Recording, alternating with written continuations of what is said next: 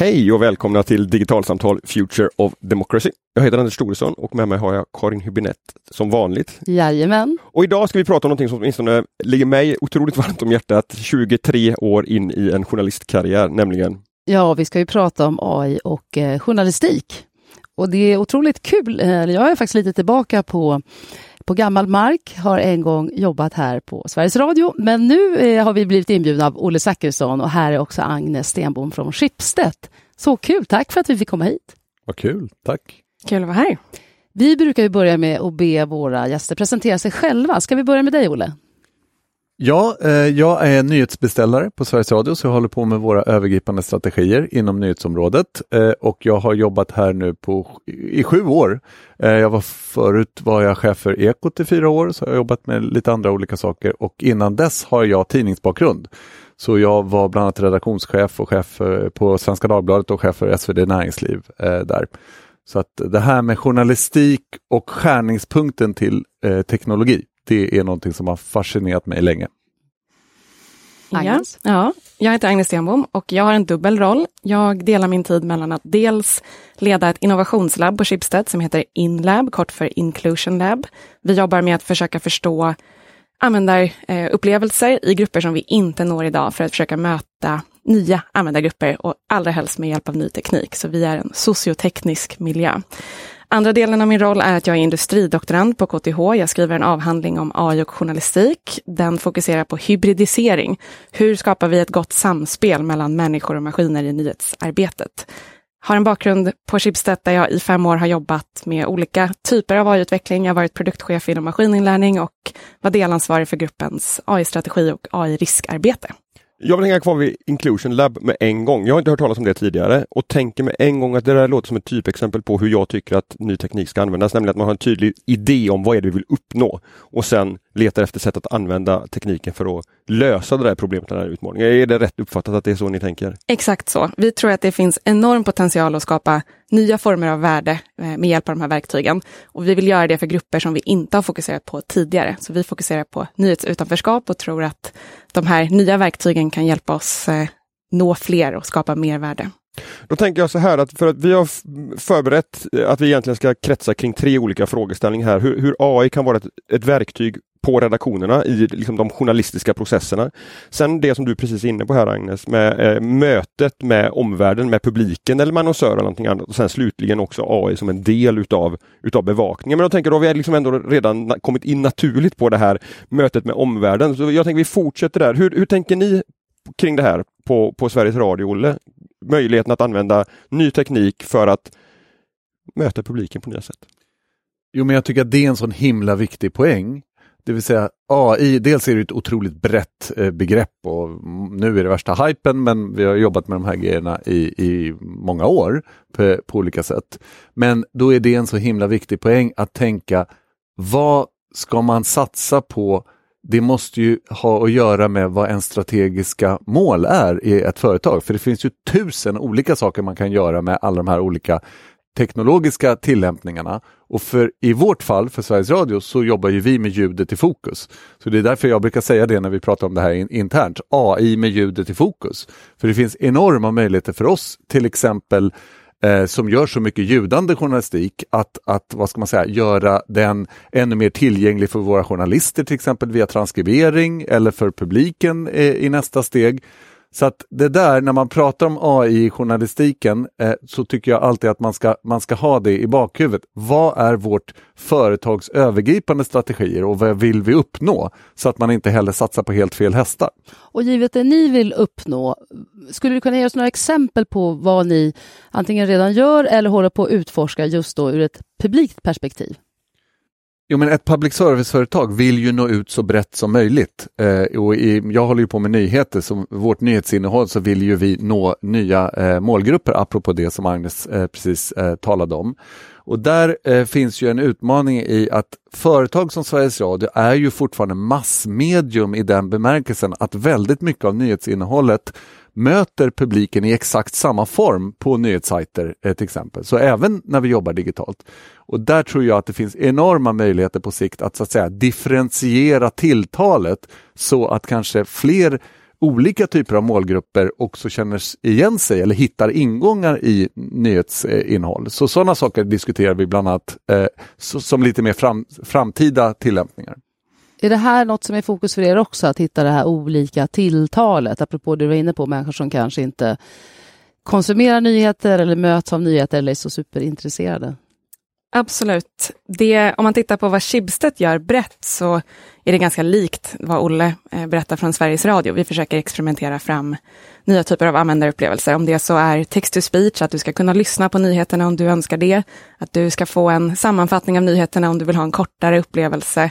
Att du får ett rekommendationssystem som bygger på precis eh, din intresseprofil.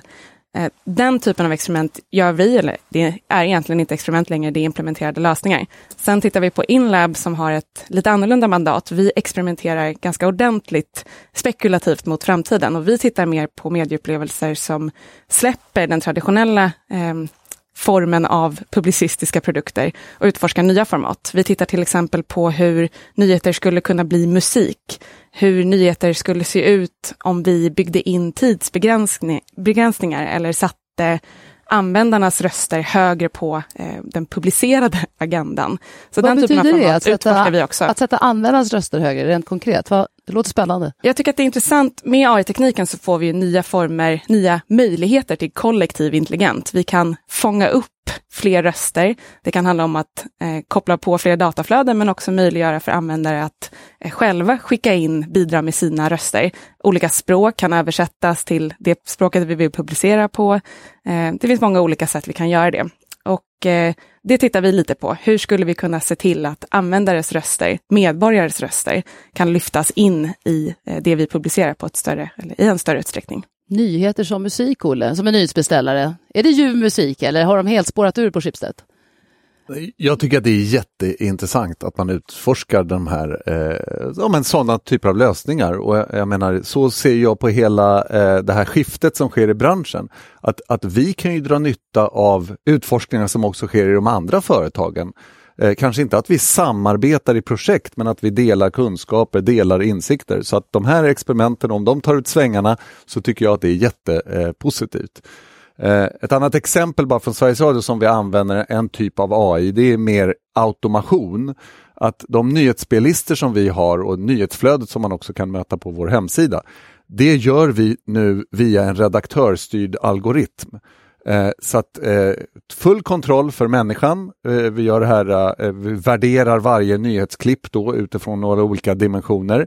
Men att det är mer så att säga ett automatiserat system som, som eh, till, i slutändan eh, bestämmer var ligger en viss nyhet eh, i ett visst eh, givet ögonblick i våra nyhetsspellistor. Så det är ett annat exempel som vi använder sedan ett par år tillbaka.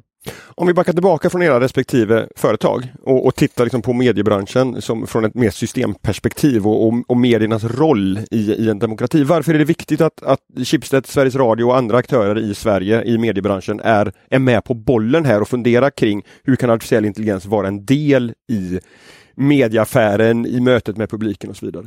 Jag menar att det är viktigt att mediebranschen tar sig an och formar AI-skiftet på ett hållbart sätt. För att vi är som samhällsfunktion både en, eh, en aktör som formar samtiden och som rapporterar om det som sker i samtiden. Och jag menar att vi har ett gemensamt intresse i att vi tar oss an det här på ett, på ett hållbart sätt. Olle och jag driver ett nätverk, Nordic AI Journalism, som försöker göra det gemensamt. Vi samlar branschen, vi är nästan 300 personer från hela Norden, som kollektivt försöker eh, skapa mening i det här skiftet.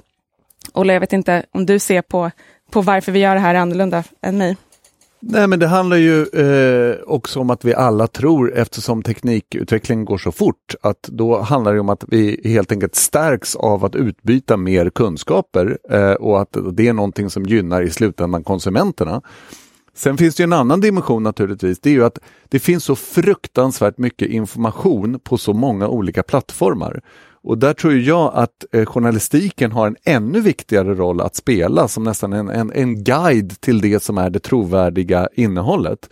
Och då vill det också till att vi som är från de seriösa medieföretagen är på, tå, på tårna nu särskilt i det här skiftet med, med den här generativa AI-modellerna som så att säga börjar skapa eget innehåll utifrån de här instruktioner eller prompts. Vi kommer säkert komma in på det där.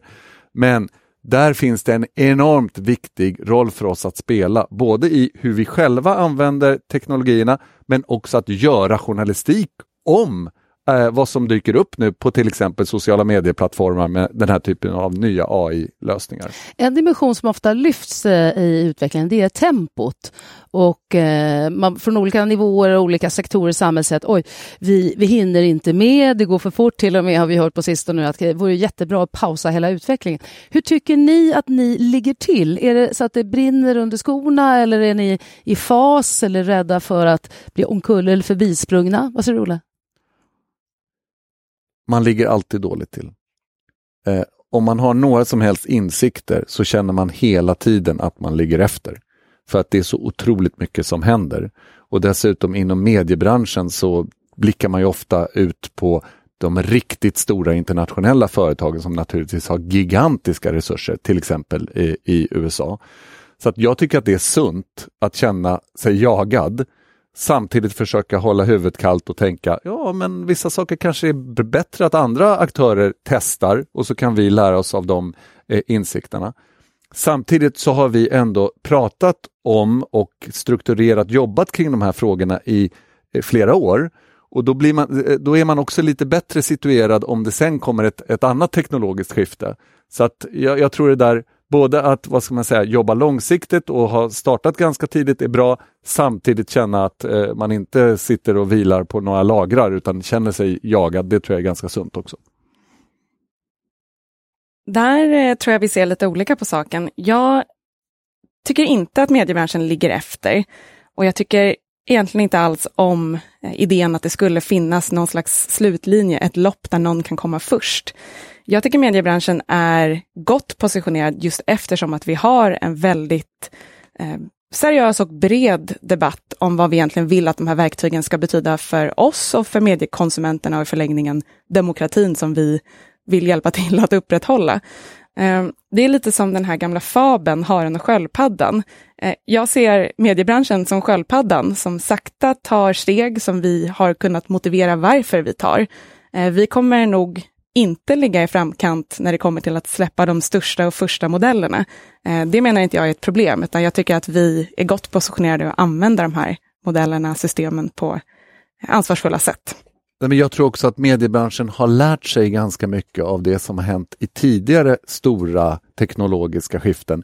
Till exempel eh, efter den här lite naiva Eh, tillströmningen till de stora sociala medieplattformarna som vi hade där vi tänkte att det här kommer helt revolutionera dialogen med publiken och självklart ska vi jobba och nå publiken där den är. Eh, sen kom det ju en backlash där och jag tror att det är många i mediebranschen som nu har tänkt att när vi står inför det här skiftet så är man lite mer eftertänksam, apropå det som mm. Agnes sa där. Och, och där blir jag nyfiken, för jag har varit med på en del av de här nätverksträffarna som, som ert nätverk har haft, de digitala. Ni har precis kommit hem från Köpenhamn där ni träffades fysiskt för den första gången. Jag hade inte möjlighet att få med där tyvärr, hade gärna varit det. Men det som jag slås av i de träffarna är faktiskt, för att använda liksom lite storvulna ord, den, den generositeten som finns att dela med sig av vad som händer i mitt mediebolag med resten av det nordiska mediesystemet som inte jag riktigt känner igen från, från andra diskussioner kanske. Man, man har ändå liksom så velat hålla lite grann mer av sitt utvecklingsarbete för sig själv, är min erfarenhet. Var, varför en öppenhet här tror du Agnes, att, att man faktiskt vill prata om det här? Nej, men AI förändrar ju väldigt mycket och inte minst maktstrukturer och jag tycker att det är naturligt att det också förändrar sättet medieföretag förhåller sig till varandra och i vilka frågor man är benägen att dela med sig. Eh, jag talade tidigare om ett gemensamt intresse och, och, vi har verkligen ett gemensamt intresse i att kompetensutveckla. Det finns inget nordiskt medieföretag idag som har en tillräckligt stor eh, och kunnig AI-organisation menar jag. Och Därför så ser vi nog många värde i att dela med oss och försöka förstå tillsammans. Det gör vår egna utveckling bättre, starkare. Jag tycker också att det är viktigt att poängtera att konkurrensfördelen ligger sällan, för ett medieföretag ligger sällan i tekniken i sig, utan det ligger i organisationens förmåga att ta till sig av tekniken. Det är eh, mjuka frågor, det är kompetens och resursförsörjning, ledarskap, kultur. De frågorna blir mer unika för den egna organisationen, medan tekniken och teknikens utmaningar och bredare samhällsfrågor, eh, de är bättre positionerade att, att uh, prata om tillsammans. Just det, så att, så att konkurrensen sker inte på att bäst förstå tekniken utan på att bäst applicera tekniken i våra traditionella uppdrag. Yes. Och då finns det förutsättningar att, att lära om tekniken tillsammans trots allt. Det vill jag mena. Om man ska vara lite konkret i det journalistiska arbetet. Vad tror ni, om ni skulle säga lite framåt, kommer att se helt annorlunda ut. För det är ingen hemlighet att det här kan ha potential att bli ett enormt effektivt och resursbesparande projekt. Och som alla mediechefer idag så sitter man med ständiga besparingar. Vad, vad tror ni, vad ser ni framför er? Vilka, vilka typer uppgifter blir obsoleta och vilka kommer till kanske?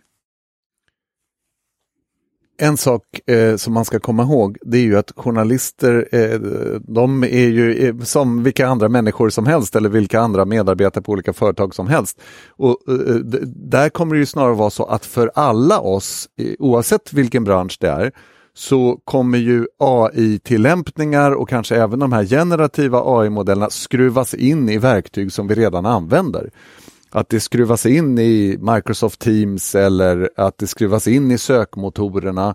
Att det finns sådana här förmågor att vad ska man säga, strukturera eh, stora datamängder i Excel på ett nytt sätt.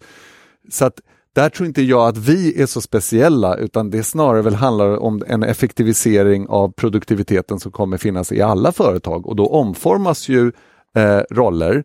Sen finns det ju specifika saker kanske inom journalistiken. Som, som i vårt fall så transkriberar vi väldigt mycket av det ljud som vi gör. Även både det som är publicerat men även sånt som är eh, intervjuer som vi har gjort som är opublicerat material. Och där finns det ju till exempel enorma eh, säkerhetsmässiga saker att ta hänsyn till. Att det måste vi naturligtvis göra på ett säkert sätt internt i våra system så att inte det spiller ut eller, eh, eller sådär.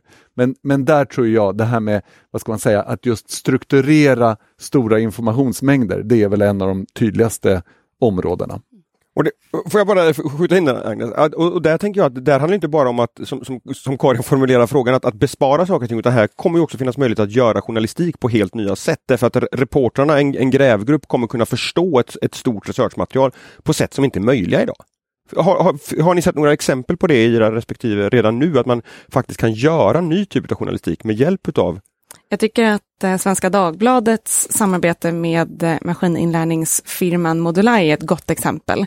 Eh, där ville kulturavdelningen på, på Svenska Dagbladet göra en granskning av en av vår samtids stora medieformat, alltså podcast. Men det är väldigt svårt för en enskild journalist att ta ett helhetsgrepp om en podd. Hur, eh, hur förstå hundratals eller tusentals timmar av material. Så då använder de AI för att som Olle är inne på, transkribera och sen analysera eh, materialet över lång tid, många år, för att få ut vilka teman, vilka känslor, vilka personer som omnämns. Eh, de började med Alex och Sigge, en podd som formar en stor del av den svenska befolkningens eh, kultur och, och samtid. Så det är ett gott exempel tycker jag. Mm. AI lyssnar på podd. Mm. För att skicka den frågan som Karin ställde till Olle vidare till dig, vad, vad, vad ser du händer på redaktionerna? Men jag jag, det ska jag bara förtydliga, att jag sitter inte på en redaktion och det är ett medvetet val. Eh, vi är eh, frikopplade från det för att tänka helt annorlunda. Men med min analys av vad som händer med det redaktionella arbetet, det är väl, om man tänker sig en journalistisk värdekedja, så tänker jag att det är en förflyttning från att det unika värdet ligger i produktionen till att det renodlade unika journalistiska värdet ligger i storyn. Förmågan att hitta storyn och att förstå storyn och verifiera att storyn är sann. Eh, mediebranschen är en eh, tillitsbransch och där ser jag att vi har stora vinster att göra med hjälp, att förstå, med hjälp av AI. Eh, jag tänker att vi behöver se på liksom nya organisationsformer också efter den här värdekedjasförflyttningen. Vi behöver få in nya kompetenser i, i nyhetsorganisationer, medieorganisationer, för att kunna göra det här arbetet med att verifiera att storyn vi har hittat faktiskt är sann. Vad kan det vara för kompetenser? Ja, det blir ju djupt tekniska kompetenser ofta. Eh, det kan handla om att kunna eh, granska, göra tekniska audits. Eh, titta på stora datamängder, titta på bilder. Eh, och det kan vi göra både mänskligt men också med hjälp av annan teknik för att verifiera autenticiteten i innehåll. Kommer det här, apropå, för du var inne på det, att det här, eh, och du nämnde också Ola, att nu är det ju inte bara ni, eh, mediehusen, som har tillgång till ny teknologi. Det har alla andra och faktiskt lite vi var till mans. Men den här typen av eh, verifiering och vad som är sant, blir det en ännu större uppgift tror ni framöver än idag? För det är ju klassiska egentligen journalistiska uppgifter. Vad säger du Det tror jag, men det tänker inte jag är något riktigt nytt nu egentligen, utan den diskussionen tycker jag att vi har haft eh, med alla faktakollar och sådär i flera år. Eh, eh, liksom, e, ända sedan den här baksmällan eh, med innehållet på sociala medier och desinformation som finns på de plattformarna så har det varit väldigt mycket fokus eh, på det med faktagranskningsjournalistik eh, som en allt viktigare gren inom eh, den traditionella publicistiken. Och då tänker jag att nu om det kommer nya typer av AI-modeller så kommer de helt enkelt bli nya verktyg för den typen av eh, faktagranskningsjournalistik. Eh, så med mer eh, deepfake och desinformation så blir också verktygen att avslöja dem starkare egentligen? Så det kanske evens out. Ja, men ja. Det, finns, det finns exempel på att vi blir lurade eh, som det är mm. och, och, då måste vi prata öppet om det. Till exempel, det kom ju en eh, fejkad bild på Putin eh, där det såg ut som att han kysste handen för Kinas ledare Xi Jinping. Och den kom precis när vi var med i en sändning och pratade om det och då refererade vi till den i sändningen och fick sen gå ut och rätta det. Så där gick vi på en mina. Och då tror jag att den här typen av fejkat innehåll som kan vara väldigt, väldigt svårt att detektera, där måste vi såklart hitta eh, verktyg för det, men också ännu skarpare rutiner, men också prata öppet om när det kan vara så att vi gör misstag. Och I Sveriges Radios policy så ingår det ju att prata väldigt öppet om att man eh, har till exempel eh, kommit med någon felaktig information och göra väldigt tydliga rättelser. Och det råder ju delade meningar där om vi faktiskt kommer kunna få de här verktygen som jag tror att vi är många som drömmer om.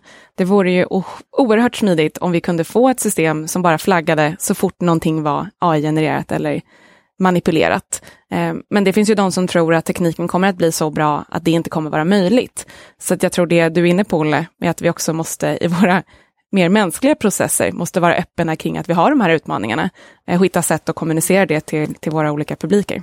Nu talar vi om de som eh, av olika skäl vill sprida desinformation eller ren eh, eh, fakta som inte stämmer. Men vad tänker ni om konkurrensen med de som vill berätta sanningen apropå stora språkmodeller? Nu, nu kan man ju som sagt eh, hitta och sammanställa fakta eh, långt utanför mediehusen. Hur kommer det påverka er roll? Att sammanställa stora mängder fakta är inte längre bara för journalister. Kanske aldrig har varit, men nu än mer spritt. Det finns så många olika dimensioner på den här frågan och den är jätteintressant. Eh, jag tror eh, att till exempel att det finns eh, många som varnar nu, eller det är många som varnar nu för att, vad ska man säga, den här informationsfloden kommer bli ännu mer kraftfull eh, och att det kommer dyka upp ännu mer innehåll som kanske tar eh, fjädrarna och lånar dem från journalistik och, och porträtterar sig som sann. Eh, och då menar jag bara att vi som kommer från de seriösa eh, medieföretagen, vi har ju ändå varumärken som står för någonting. Sveriges Radio firar snart eh, 100 år. Eh, eh, vi, vi, står för opartisk, saklig journalistik. Eh, då är det ännu viktigare att värna den rollen och också förklara hur, hur, viktig den rollen är för kanske nya målgrupper som inte är så bekanta med, med Sveriges Radio. Så att där tror ju jag att det, det, här är helt enkelt, vad ska man säga, nya aspekter av någonting som vi har pratat om eh, i, i, flera år. Men det, kommer, det finns redan nu massor med exempel på exakt det du pratar om där, eh, Karin. Helt enkelt, eh, jag menar, helt nya aktörer som så att säga kommer ut, gör innehåll på ett nytt sätt och som kanske också blir väldigt disruptiva krafter för mediebranschen, vilket vi måste förhålla oss till. Vad tänker du om det, Agnes? Jag tänker att vi ska inte se det som något renodlat negativt för mediebranschen heller. Det är lätt att vi pratar om det som ett hot mot medieföretagen, men jag tror att eh, ja, det är ganska klassisk innovationsforskning. Eh, incumbents kan sällan radikalt förändras eller disrupta sig själva. Och nu ser vi ju att vi har en, en rad nya aktörer och det kommer säkerligen komma fler som kan skapa fantastiskt innehåll, fantastiska medieprodukter på ett enmannateam eller tre. Och det tror jag i, det kommer vara utmanande för medieföretagen, men jag vill också tro att det blir en väckarklocka för oss, att det är hög tid att eh, innovera och tänka nytt med hjälp av de här verktygen. Det där blev en bra krok, för jag ville hoppa tillbaka till någonting som du sa, nämligen att du, du poängterar att du sitter inte på redaktionen, utan du sitter utanför redaktionen. Var, varför var det viktigt att poängtera det och varför har ni lagt upp det på det sättet? Det låter som det kopplar lite grann till det som du precis pratade om. Absolut. Det är svårt för den tredje statsmakten att eh, återuppfinna tredje statsmakten samtidigt som man skapar den. Eh, vi är medvetet frikopplade för att vi tror att vi behöver ta in eh, nya perspektiv, nya röster om vi ska tänka genuint nytt för mediebranschen.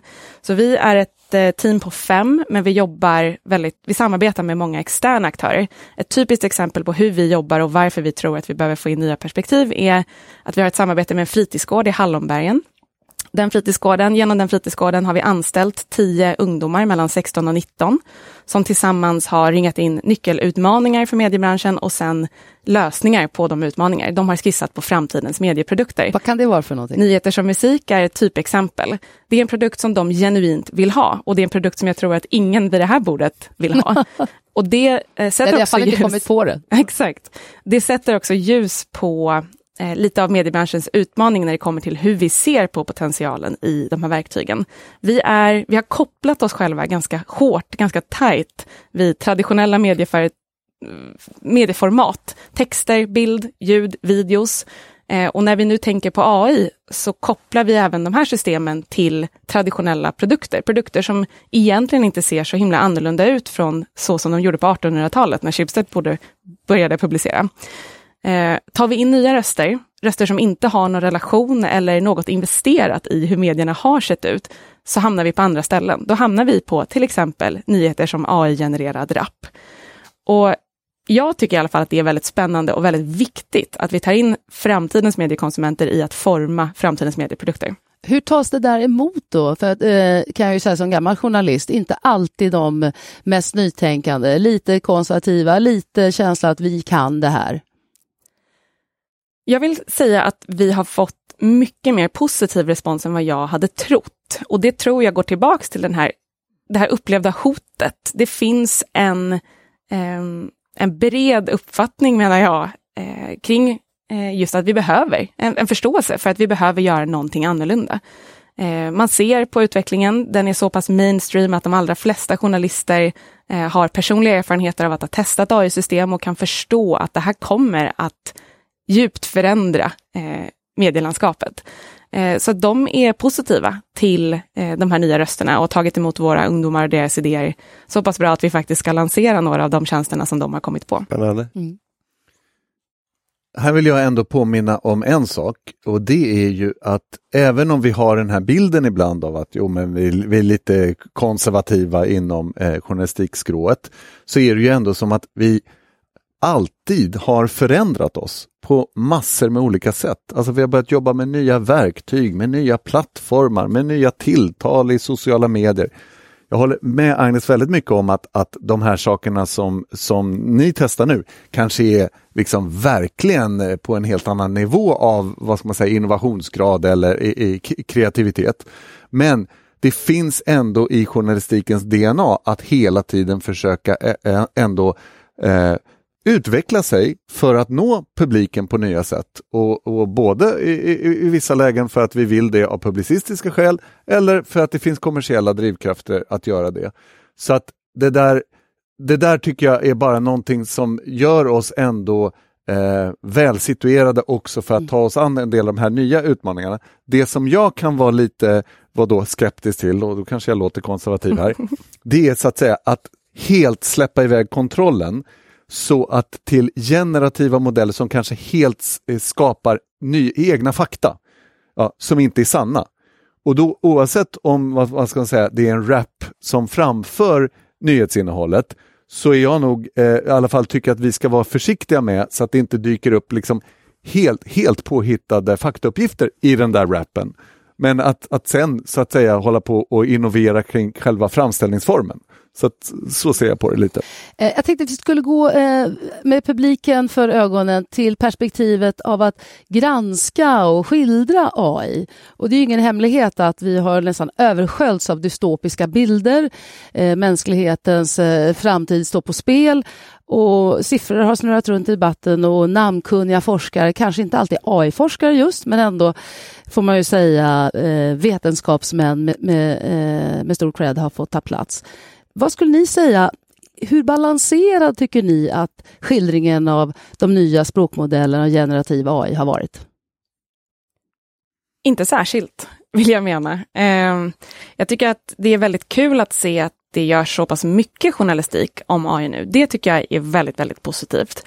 Men jag tycker att vi ofta går i två fällor som jag gärna skulle se att vi undvek. Och den ena handlar om att antropomorfiera, alltså att ge AI mänskliga former. Att prata om de här systemen som om de vore en, en autonom agent. Vi ger dem mänskliga namn, kroppar, vi pratar om robotar när det egentligen handlar om datorsystem. Det här tror jag man ofta gör för att man vill göra AI begriplig, man vill göra det lättare att förstå. Men jag tror att det blir kontraproduktivt, för det bidrar till det här narrativet om att AI kommer att ta över och utmana mänskligheten. Så den fällan tycker jag vi går i lite väl ofta, och så tycker jag att vi ofta går i fällan att prata om AI-skiftet som någonting nytt och något som har ett, ett tempo vi aldrig har sett förr. AI utvecklingen har pågått sedan 50-talet och egentligen tidigare än dess, men, men begreppet har sina rötter i 50-talet. Och vi har använt de här systemen i stor utsträckning länge. Eh, någonting hände med lanseringen av ChatGPT. Vi fick ett eh, kollektivt uppvaknande. Men jag tycker att vi har ett ansvar som medieföretag och, och publicister att inte missa de årtionden av utveckling och applicering som har hänt eh, före. Vi förmänskligar AI och vi beskriver det här som någonting jättenytt som går alldeles för fort. Håller du med Olle? Verkligen, och en tredje aspekt eh, det är också att det finns fruktansvärt stora kommersiella drivkrafter bakom den här hypen som är nu. Eh, att man nu från de här amerikanska företagen har lyckats lansera ett väldigt lättanvänt lager som då kan chatta på det här sättet. Det är ju någonting som är en del av deras sälj. Eh, där vi ser att eh, Microsoft till exempel som då är en stor eh, investerare i OpenAI, deras börskurs har gått jättebra. Vi ser enormt många andra kommersiella aktörer som nu försöker så att säga associera sig med den här typen av teknologier för att det är kommersiellt viktigt för dem. Kanske för deras börskurser eller för att dra in nytt eh, riskkapital. Det är inget fel med det. Men för oss som är journalister på ett public service-företag så behöver vi, vi hålla huvudet lite kallt och också, vad ska man säga, skärskåda de aspekterna av det här. Har ni hållit huvudet tillräckligt kallt då? Jag tycker att vi har hållit huvudet hyfsat kallt. Vi, vi sugs alltid med. Så är det alltid eh, i stora, eh, vad ska man säga, eh, saker som blir stora trender och tendenser så sugs ju journalistiken med. Vi ska ju vara där och, och spegla det, men också granska på ett självständigt sätt och att inte få glömma det.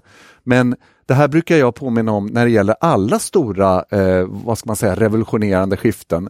Det var samma som eh, eh under metoo eller det var samma som när vi hade det här fruktansvärda terrordådet i Stockholm. Journalistiken sugs ju med väldigt mycket när det blir stora emotioner runt någonting. Och så tycker jag att man har sett nu de senaste månaderna att det blir väldigt eh, emotionellt också i bevakningen av det här.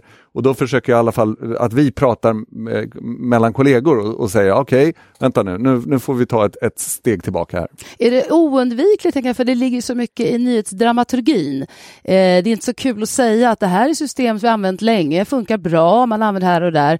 Det är mycket roliga intervjuer, Max Tegmark såklart, som säger att mänskligheten går under. Är det ofrånkomligt? Nej, men det är definitivt svårt att motstå. Det handlar inte bara om journalistiken, det handlar ju om vår samtid. Vi lever i en tid där starka och snabba åsikter premieras. Den som tycker mest får höras mest. Eh, då kan man väl titta på våra världsledare och så kan man, jag känner ofta att jag vill make pragmatism great again. Det här är ett skifte som kommer kräva väldigt mycket vägning av för och nackdelar. Och det hoppas jag att vi kan få in i medierapporteringen också. Och, och, och där tänker jag en viktig del i, N när jag började som, som journalist då gjorde jag det som reporter på Ny Teknik och, för, och, och som teknikreporter. Men, men det som händer nu är att det räcker inte med teknikreportrar som bevakar den här utvecklingen tänker jag, utan vi behöver ha kommunreportrar som förstår vad betyder den här teknikutvecklingen för lokala kommunfullmäktige i Vänersborg där jag bor, eller vad, vad betyder det för kulturen eller för sporten? Så att det, det här, vi kan inte ha den här expertreporten som kan teknik och ska, som kan täcka hela teknikutvecklingen, tänker jag. Håller du med Agnes? Att, att vi behöver liksom förstå att tekniken påverkar alla samhällssektorer och också behandla det därefter. Absolut. Sen så tror jag att vi definitivt inte behöver färre teknikreportrar. Nej. Vi behöver fler naturvetenskapligt kunniga och då specifikt AI-kunniga mm. in i mediebranschen som kan hjälpa till att granska minus hypen. Det tror jag blir väldigt, väldigt viktigt och jag tror desto mer man förstår av AI-systemen, desto, mer, desto mindre köper man in i hypen, desto mindre imponerad är man av chattinterfacet, för man förstår att utvecklingen har långt kvar.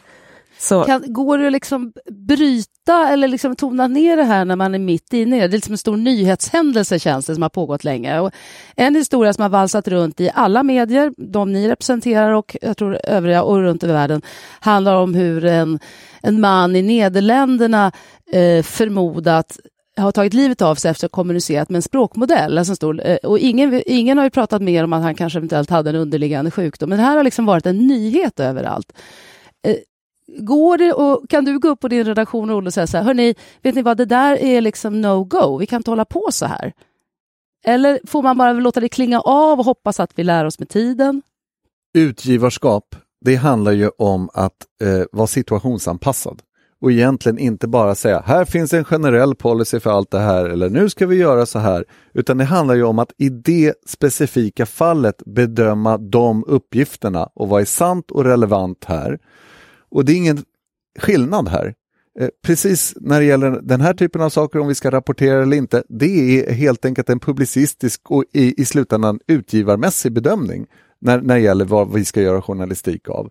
Så att eh, där försöker jag också eh, ta tillbaka det till våra grundläggande egentligen publicistiska mekanismer som finns i företagen. För de ska alltid föregås av en robust diskussion om fördelar och nackdelar. Och bara för att någon har hittat på några modeller nu som så att säga kan generera eget innehåll så, så betyder ju inte det att vi ska slänga våra publicistiska modeller eh, eh, ut genom fönstret för det. Så det där är också ett annat sätt att så att säga hålla huvudet lite mer kallt. Men det är det som du var inne på ändå Agnes, att du hoppas på lite mer eh, nyansering i beskrivningen.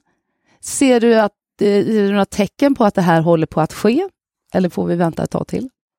Jag tycker att det är positivt att se att så pass många svenska och nordiska medieföretag nu faktiskt börjar experimentera med AI.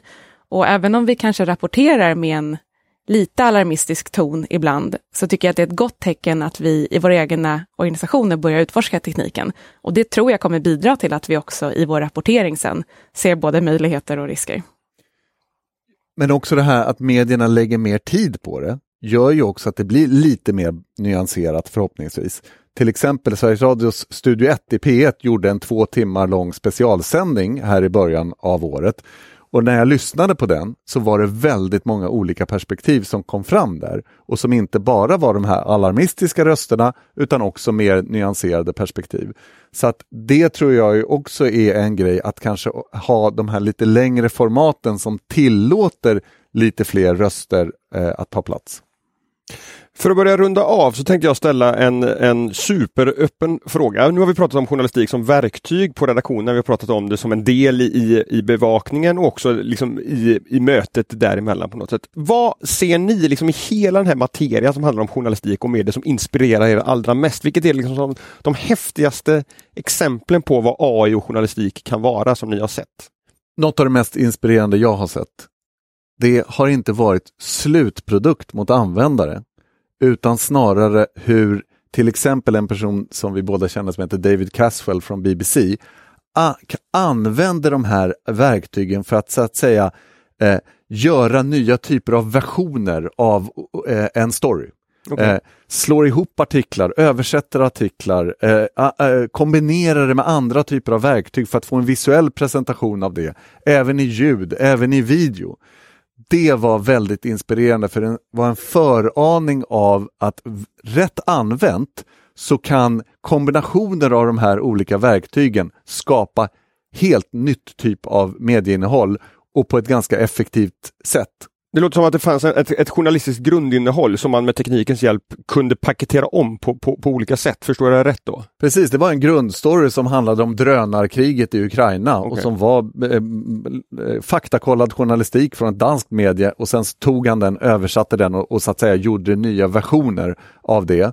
Och, och, det har inte slutpublicerats någonstans utan det är mer som ett experiment. Men det, det där var så inspirerande att ändå se wow, som produktionsverktyg så kan inte bara en modell utan då tillsammans med andra modeller så, så, så kan det faktiskt skapa eh, helt nya upplevelser. Vad inspirerar dig Agnes?